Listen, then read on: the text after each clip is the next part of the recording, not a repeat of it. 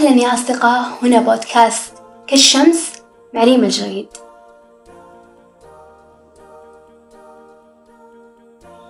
مرات الحياة تاخذك لمنعطف أنت ما تبغاه. تبغى باب وما يفتح لك ويتقفل بوجهك وينفتح لك باب ثاني أنت ما تبغاه. غازي القصيبي هو من أشهر الرجال السعوديين من لهم أثر عظيم على الوطن وهو شخص تولى مناصب عالية في السعودية. يقول القصيبي في كتابه حياة في الإدارة أنه ذهب بزيارة صيفية إلى اليمن في عام 1964 حيث كان يدرس في الجامعة الأمريكية في بيروت لدراسة الإدارة العامة تمهيدا لتدريسها العام المقبل.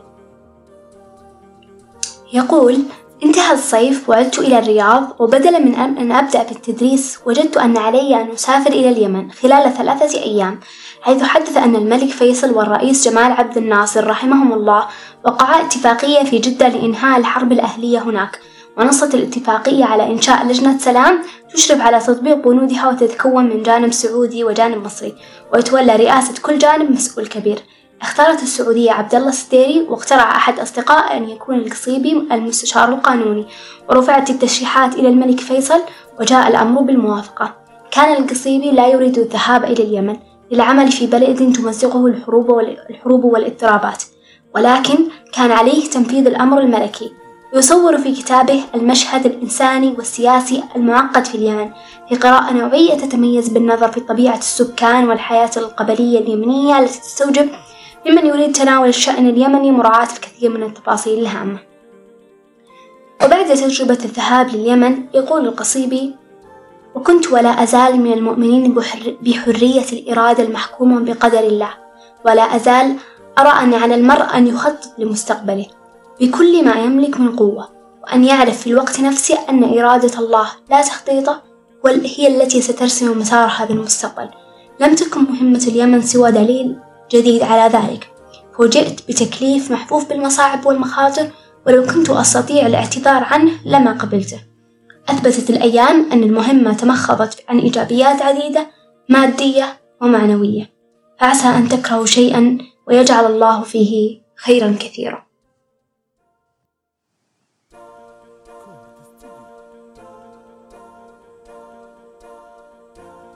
مرة حلو تخطط وتحط خطط للمستقبل.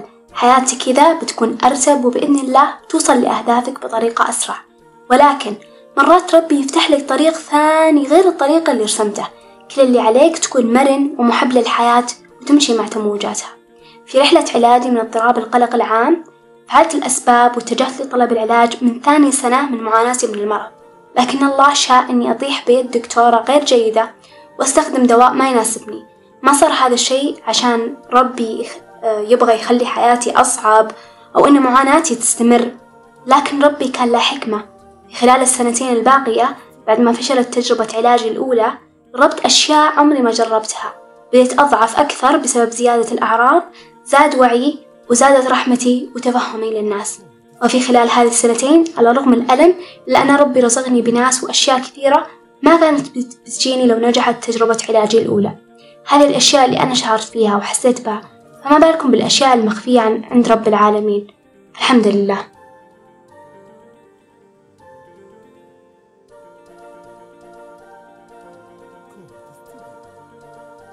يقول الله تعالى فادعوني أستجب لكم.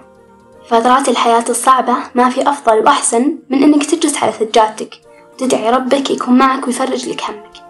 بس مرات تدعي وما يتحقق لك الشي اللي تبيه أو يتأخر وتحس إن ربي ما استجاب دعائك. لكن اللي أبيك تعرفه أن الدعاء له ثلاثة أحوال.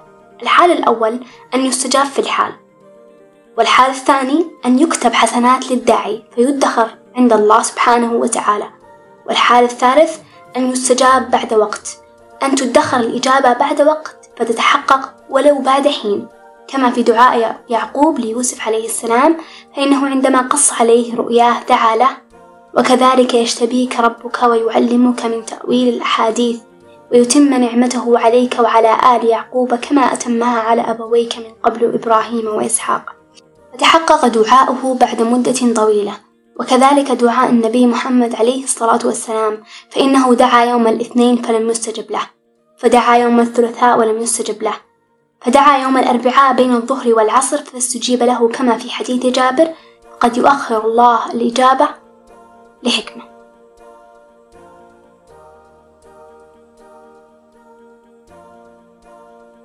في حسابي الخاص على الانستغرام سألت أصدقاء بودكاست كالشمس بأنه هل كنت يوم من الأيام تبغى شيء وربي كتب لك شيء ثاني؟ ولقيت فيه الخيرة والراحة وحسيت إنه أفضل لك؟ وكانت الإجابات كالتالي.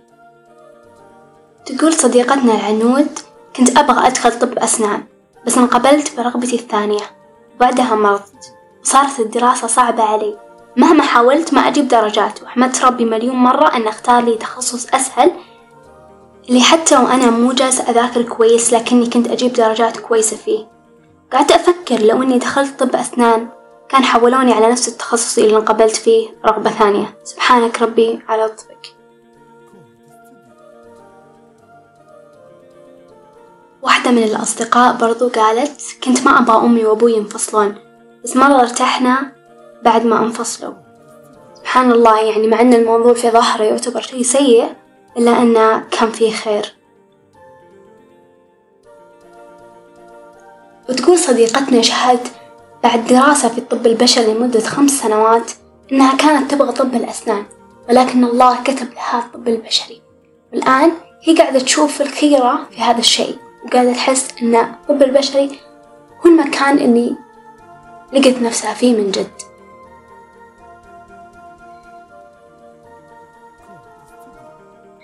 ولازم تحط في بالك لما الحياة تاخذك لطريق أنت ما تبغاه إن الله سبحانه وتعالى خلقنا وكتب لنا العيش في كبد.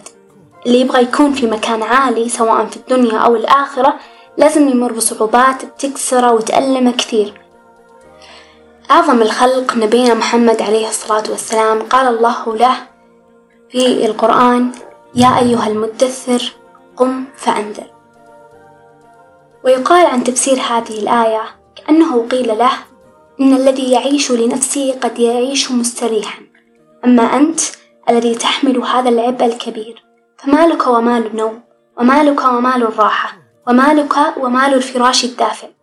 والعيش الهادئ والمتاع المريح قم للأمر العظيم الذي ينتظرك والعبء الثقيل المهيئ لك. قم للجهد والنصب والكد والتعب. قم فقد مضى وقت النوم والراحة. وما عاد منذ اليوم إلا السهر المتواصل والجهاد الطويل الشاق. قم فتهيأ لهذا الأمر واستعد. الرحيق المكتوم صفحة تسعة وسبعين.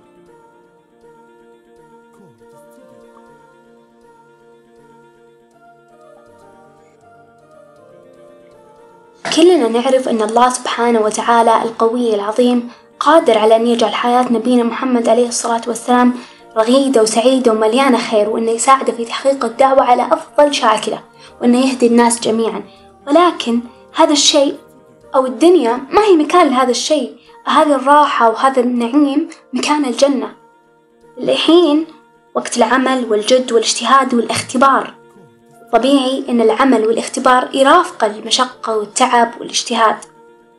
عبارة أحبها كثير تقول لا تحسبن المجد تمرا أنت آكله لن تبلغ المجد حتى تلعق الصبر. لا تحسب المجد أو النجاح شي بسيط تقدر تاكله بكل سهولة أو تقدر توصله بكل سهولة. ما راح تبلغ المجد إلا بعد ما تمر بفترات طويلة وقوية من الصبر والتحمل مشاكل الحياة وللأشياء اللي ممكن تصادفك وتعيق طريقك.